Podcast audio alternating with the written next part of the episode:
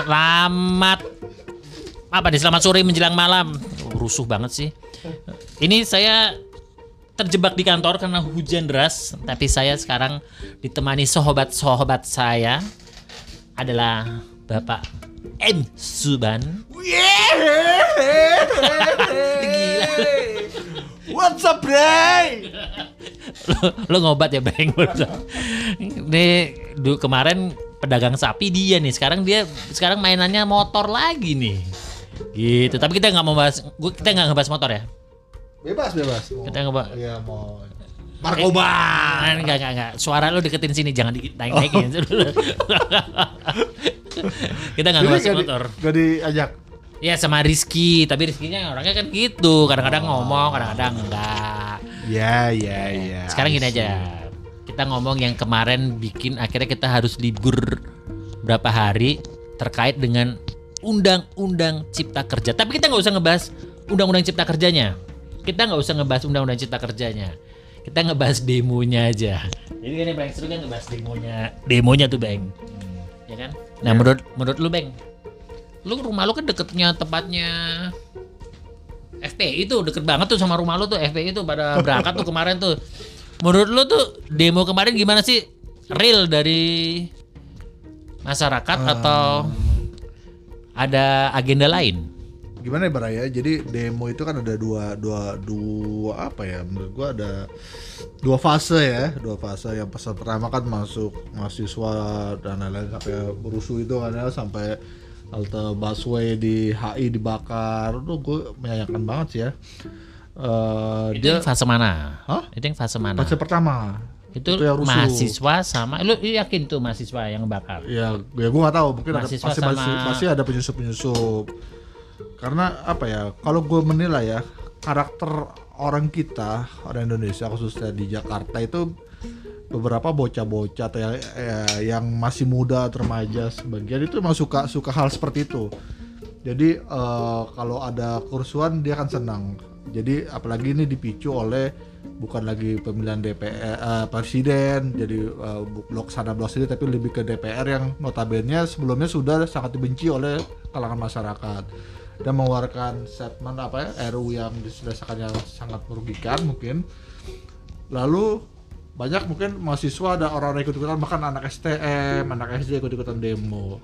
Dan melihat ada kerusuhan itu eh, bangsa kita tuh senang hal kayak gitu. Karena saya juga pribadi waktu zaman 98 saya 98 kerusuhan di DPR saya juga ikut-ikutan jadi saya itu Tapi masih- posisi lu bukan mahasiswa kan? Bukan, Kalau gua SMP. kalau gua real SM mahasiswa gua Ah. ikut. gue SMP aja hal kayak gitu senang jadi sekolah diliburin bukan di dalam di rumah gue mengaku orang tua main bola tapi gue ke DPR nontonin kerusuhan sampai ya kabur-kabur ikut-ikutan tapi senang fun gitu dengan hal nah dengan ada seperti ini gue lihat eh, apa ya pola pikir masyarakat kita seperti masih ada tawuran sebagainya lalu masih ada di di pinggiran-pinggiran Jakarta atau di tengah kota juga masih ada sedikit tawuran-tawuran. Nah itu dengan hal like ini adalah ajang apresiasi mereka gitu. Jadi selama ini di rumah dengan ada kerusuhan sebenarnya dia nggak nggak ngerti-ngerti omnibus law ngerti tapi dia dengan kebencian DPR dengan kebencian dengan polisi nah seru buat mereka seperti itu itu sih yang yang gue itu Fase 1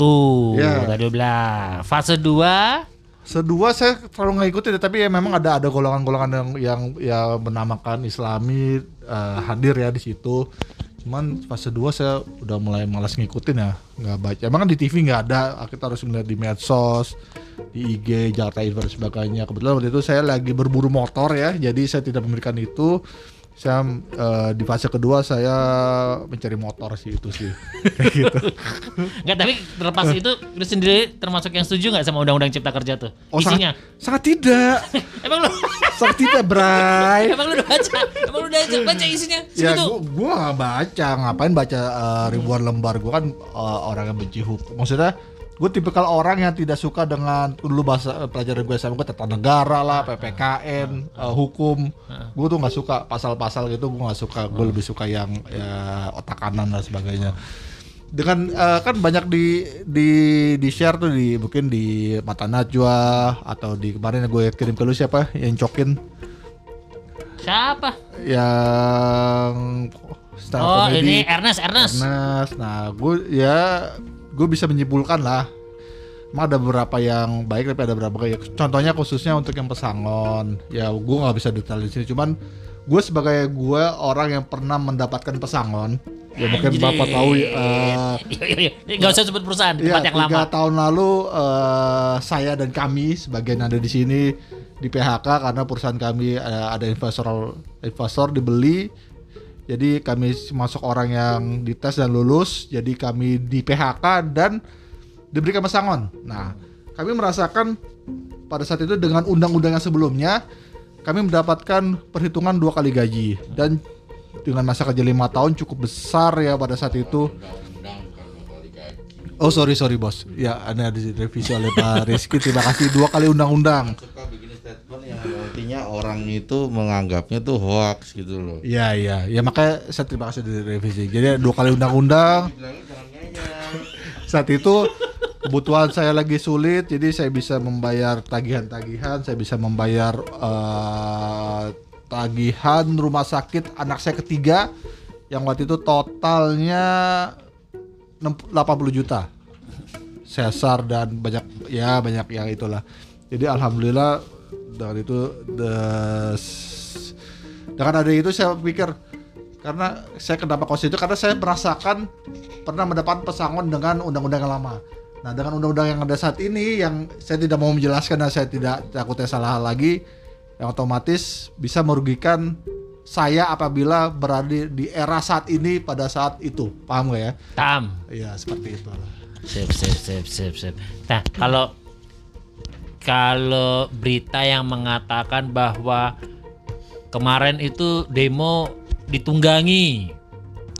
Wow, Ditunggangi. udah kali. Mabok temen gue. ditunggangi, ditunggangi sama pihak eh, ya. enggak, enggak, Oh gitu. enggak ditunggangi. Ya. Menurut lu gimana? Eh, semua orang bisa bebas berpendapat Mas Bay. Iya. Jadi eh, pasti ada eh, apa ya? Asumsi-asumsi omongan-omongan seperti itu pasti ada kanan kiri pro kontra apalagi eh, saat ini mungkin di kami hitamkan ya partai yang biru ya. Dan Yo, eh, biru tuh biru. dulu saya sih di era-eranya biru biru ini sih saya saya sih cukup senang sih dengan eranya biru. Oh ya, lu termasuk happy dengan era biru? Masuk happy karena dengan era biru waktu itu ayah saya masih aktif dan, dan maju di era-era biru. Jadi ya saya cukup menikmati selama 10 tahun itu dengan dengan hasil di era biru gitu. Nah sekarang gue tanya deh, Eh, era biru kan eranya si bapak kita Cikeas tuh. Lu di ba- era biru sama era sekarang lu puasan ma- era mana? Gue nggak bisa nggak bisa ini ya. Gue cuma mengasumsikan pada saat itu di era biru bapak gue bisa eh, naik jabatan gitu. Heeh. Imbasnya kan gue bisa. Padahal yang naikin ya, bukan si biru itu ya, naikin ke perusahaan. eh, nggak Ada hubungannya emang sama si biru? Iya, bapak gua kan dulu eh, PNS ya. Ah. Di era Oh. biru dibuat eh, kementerian baru. Oh, jadi oke, bapak gua pindah ke situ dengan jadi naik gitu. Jadi gua jadi ya alhamdulillah bisa menikmati masa-masa itu gitu Oh. sih. Itu aja sih. Untuk kebijakan itu gua gua sebenarnya orang nggak nggak malas berpolitik ya. Hmm. Mungkin kalau lu tahu gua orang paling malas berpolitik maksudnya kalau debat-debat apa cuman ya seperti itu dengan dengan adanya era merah dan era biru ya gua gua eh, akan bilang gue menikmati dari sisi gue gitu. Oh, iya. Eh, yang balik lagi tadi omongan berarti lu tadi gue nanya apa sih gue lupa apa? Ditunggangi. Ditunggangi, ditunggangi. Bener gak Kalau sih? menurut gue bisa iya bisa enggak tapi kalau yang disalahkan era biru nggak mungkin lah era biru se, se, se- sejahat itu kan menunggangi sampai bakar-bakaran nggak mungkin. Tapi ada kelompok yang bilang ada yang kami itu ya bisa ya bisa enggak sih. Cuman gue nggak nggak mungkin ya. Karena eh kalau nggak mungkin. Maksudnya saat ini kan junjungan dewanya pro sana kan udah menjadi anak buahnya bapak presiden. Jadi mungkin eh, kendaraan untuk pemberontaknya sudah mengecil gitu. Tapi mungkin ada orang-orang atau golongan-golongan yang tidak tidak setuju hal itu. Bisa aja sih untuk menunggangi rusuh. Tapi kecil kemungkinan sih gitu Oke. kembali lagi yang gua statement gua awal karena orang kita suka dengan huru hara orang kita mungkin sudah bosan dengan eh, apa pandemik ini jadi benci dengan polisi dan DPR momennya pas gitu dan orang kita tuh sorry ya gue masih bilang eh, era-era yang sosial bawah itu masih primitif karena primitif karena gampang terpacu gampang terpacu terpancing. Contoh kalau mungkin orang negara sebelah Malaysia eh, Singapura dari bermedsos aja ketahuan gitu. Dia nggak akan gitu. Tapi kalau kita netizen netizen yang gampang gampang marah gampang apa itu perilakunya bisa di, di, di, dituai dengan dengan eh, ngamuk-ngamuk di di jalanan seperti itu sih. Karena gue sering di daerah daerah rumah gue kan mungkin daerah-daerah daerah-daerah ini ya rock ya rock ya tanah abang dan sebagainya gue tahu banget perusahaan di Jati Baru apa tawuran masalah sepele jadi tawuran pacok-pacokan hal yang biasa maksudnya dengan ada kayak gini gue ya ini ini adalah momen mereka berapresiasi selama ini dengan bertawuran dengan timbuk-timbukan seperti itu sih Keren. Lu mau ngomong nggak? Gue tanyain.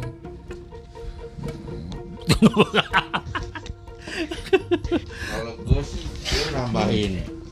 Nih, sebenarnya kalau tadi ngomong di era era yang biru tadi ya, itu sebenarnya ada positif dan negatifnya ya, Bang ya.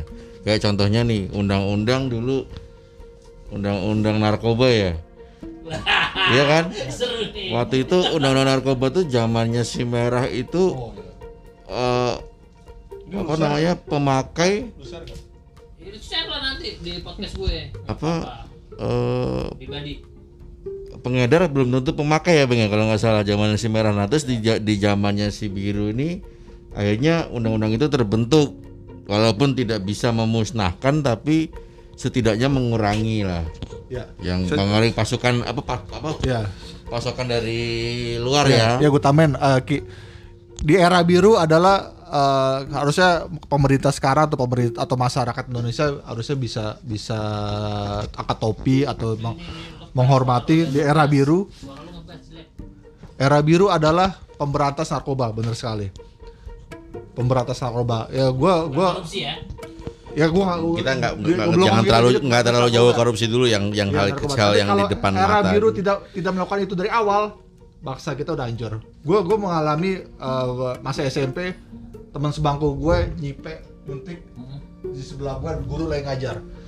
Gue Apa? guru lagi ngajar dia nyuntik belakang bangku belakang. Gue gue gue jujur gue gak ikutan gue cuman cuman tahu lingkungan lingkungan masa SMP gue tahun 97 98 begitu begitu mencerangkan narkoba di mana-mana. Sampai guru ngajar orang bisa nyuntik di belakang dan gue gue suruh nutupin tasnya dan apa sebagainya itu di zamannya eh, merah ya zaman dulu ya Iya, Megawati zaman dan sebagainya. Merah. itu narkoba sangat bebas. Orang bisa mengeganja komplek muter komplek baso kumis geganya bebas. Iya. nggak ada irban tapi di era biru semua itu diberantas dibangun undang-undangnya dibangun ini untuk diberantas narkoba gue bayangin kalau nggak ada itu negara kita udah hancur nggak nggak bisa semaju ini. Karena narkoba sekarang orang udah makan udah takut ya kan? Karena di sangat di, di, di, ditekan dari awal seperti itu. Lanjut. Mas Rizky. Ya kali ya kalau fenomena itu sebenarnya bukan di Jakarta doang seluruh seluruh Indonesia tuh rata-rata begitu. Bahkan dulu zaman gue apa merah itu dulu di depan Malioboro itu itu dagangan bebas. Apa nyari apa aja tuh ada di situ. Jadi pas undang-undang itu terbentuk kalau eh, apa eh, untuk yang pengedar dan pemakai udah pasal itu udah jelas udah di lock di situ dan ke sininya pun pemerintah yang sekarang sebenarnya tinggal nerusin gitu nah coba walaupun nggak bisa memusnahin ya tapi setidaknya mengurangi Kalau era sekarang yang lo paling suka apa? Era sekarang. Kan itu sama juga udah jabat nih, si era merah nih. Iya. Apa yang lo paling suka? Yang paling lo suka dan yang paling lo nggak suka? kalau yang suka sih ya Dibuka aja suaranya. Contoh nih contoh yang paling kecil ya. Nah, yang paling lo su- lo suka yang sekarang. ya pembangunan di mana-mana. Contohnya. contoh Jakarta Solo cuma 6 jam sekarang. Ya kan? Ya. mana lagi? Palembang Jakarta Palembang. Atau mana eh istilahnya ya akses. Akses kita lebih gampang sih kalau mau pembangunan. terutama untuk terutama orang-orang yang bisnis mungkin kayak Subhan nih dia jalan sapi ya kan? Dulu mungkin dari Jakarta ke Ngawi dia mungkin bisa 14 jam atau 15 jam. Sekarang tapi nggak tahu deh gimana punglinya gimana punglinya? Uh, setuju uh, setuju lagi Pak Rizky daerah sekarang uh, saya menikmati waktu itu mungkin 2000 17 ya, saya eh, eh sorry 2018 kan masih masa transisi ya bangunan tol ya Bon ya. Yeah itu memang berasa banget saya pengiriman sapi itu bisa, bisa harus transit dulu dan ya, transit. cukup makan biaya dan kesehatan sapinya. Tapi saat ini alhamdulillah lancar. Untuk pungli ya pasti satu dua adalah untuk oknum polisi di tol ya, ya pasti kita menyiapkan uh, recehan dua puluh ribu tiga puluh ribu untuk salam tempel. Oh yo, masih ada ya? Masih, Masih ya. masih sebagian kecil. Jadi, lo suka lanjut aja. Yang nggak lo suka era sekarang. Kalau yang sekarang yang nggak sukanya mungkin dinasti. Itu yang paling yang yang secara real nyata di depan mata sih itu dinastinya masih membentuk tapi tidak melihat situasi dan kondisi. Markobar. Ya setuju juga nih nasi. Tapi yang paling utama eh, di era sekarang yang gue nggak suka terkadang demokrasi di dikebiri ya. Mungkin di era si biru atau alasannya si bapak presiden si biru itu terlalu dulu kan diledekin terlalu sorry melo lemot Baper. dicuekin baper. Tapi di masa itu tidak ada yang di penjara atau di di apa untuk meledek presiden. Emang saat ini memang perlu perlu sih eh, tidak jangan kelewatan juga ngeledek presiden atau apa tapi sudah saat ini terlalu ketakutan gitu. Jadi apa apa langsung di di diantisipasinya terlalu terlalu lebay Ya tapi mungkin kalau itu bisa jadi eh, waktu di era itu memang benar mungkin ya.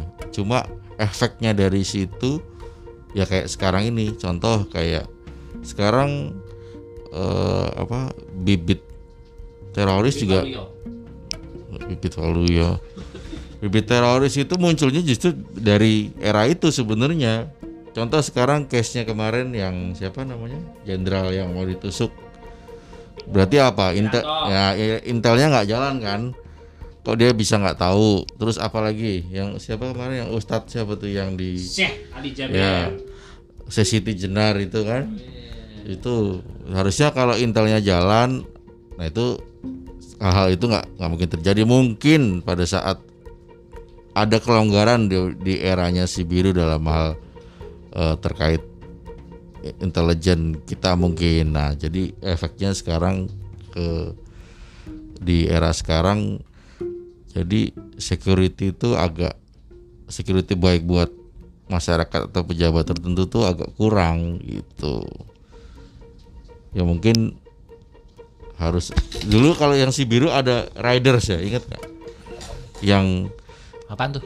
ya pasukan jadi jika mau ada sesuatu tuh udah udah ter, apa sudah Riders kan terdeteksi punya angkatan darat kan? Ada, iya sampai ada masih ada. masih ada tapi kan Riders. nggak nggak tajinya nggak kayak dulu kan Sa- sangar Riders sekarang. Ridersnya angkatan darat sekarang sangar banget. hmm. di era dulu korupsi itu pun era biru zaman dulu emang korupsinya Ya kalau kita ngomongin korupsi sih Bang mau sampai kapan pun kita mau eranya siapa tetap aja korupsi tetap ada. Ya tinggal dipilah aja. Contoh nih waktu si Eyang zamannya si Eyang Eyang Iya. Yang Soeharto. Eyang Harto sama Simbo sekarang Simbo Mega 30 eh si Eyang Harto 32 tahun Megawati cuma berapa periode sama periode ini korupsinya nominalnya lebih parah mana berarti kalau gitu nah cuma sekarang yang yang eranya eh, SBY sama yang Jokowi ini Udah yang ngomong biru merah disebut nama sekarang. Percuma tadi kita ngomong warna. Berarti lu Solo lu nggak nyoblos dong itu? enggak Nggak mau nyoblos anaknya dong? enggak dulu KTP lu Solo Ya KTP gue emang nggak Solo, tapi gue udah bilang sama banyak bilang sama ya kalau kalau nyokap gue adik gue ngapain nyoblos ya nggak usah nyoblos lah gitu Ya sudah. Terima kasih Bapak Suban, Bapak Rizky atas obrolan menjelang malam era biru dan era merah serta undang-undang cipta kerja. Nanti kita lanjutin lagi hari Jumat ngomongin apa, Beng? Paling enak, Beng. Motor. Bebas. Bebas. Cewek, cewek, cewek, cewek. Oke, Ki.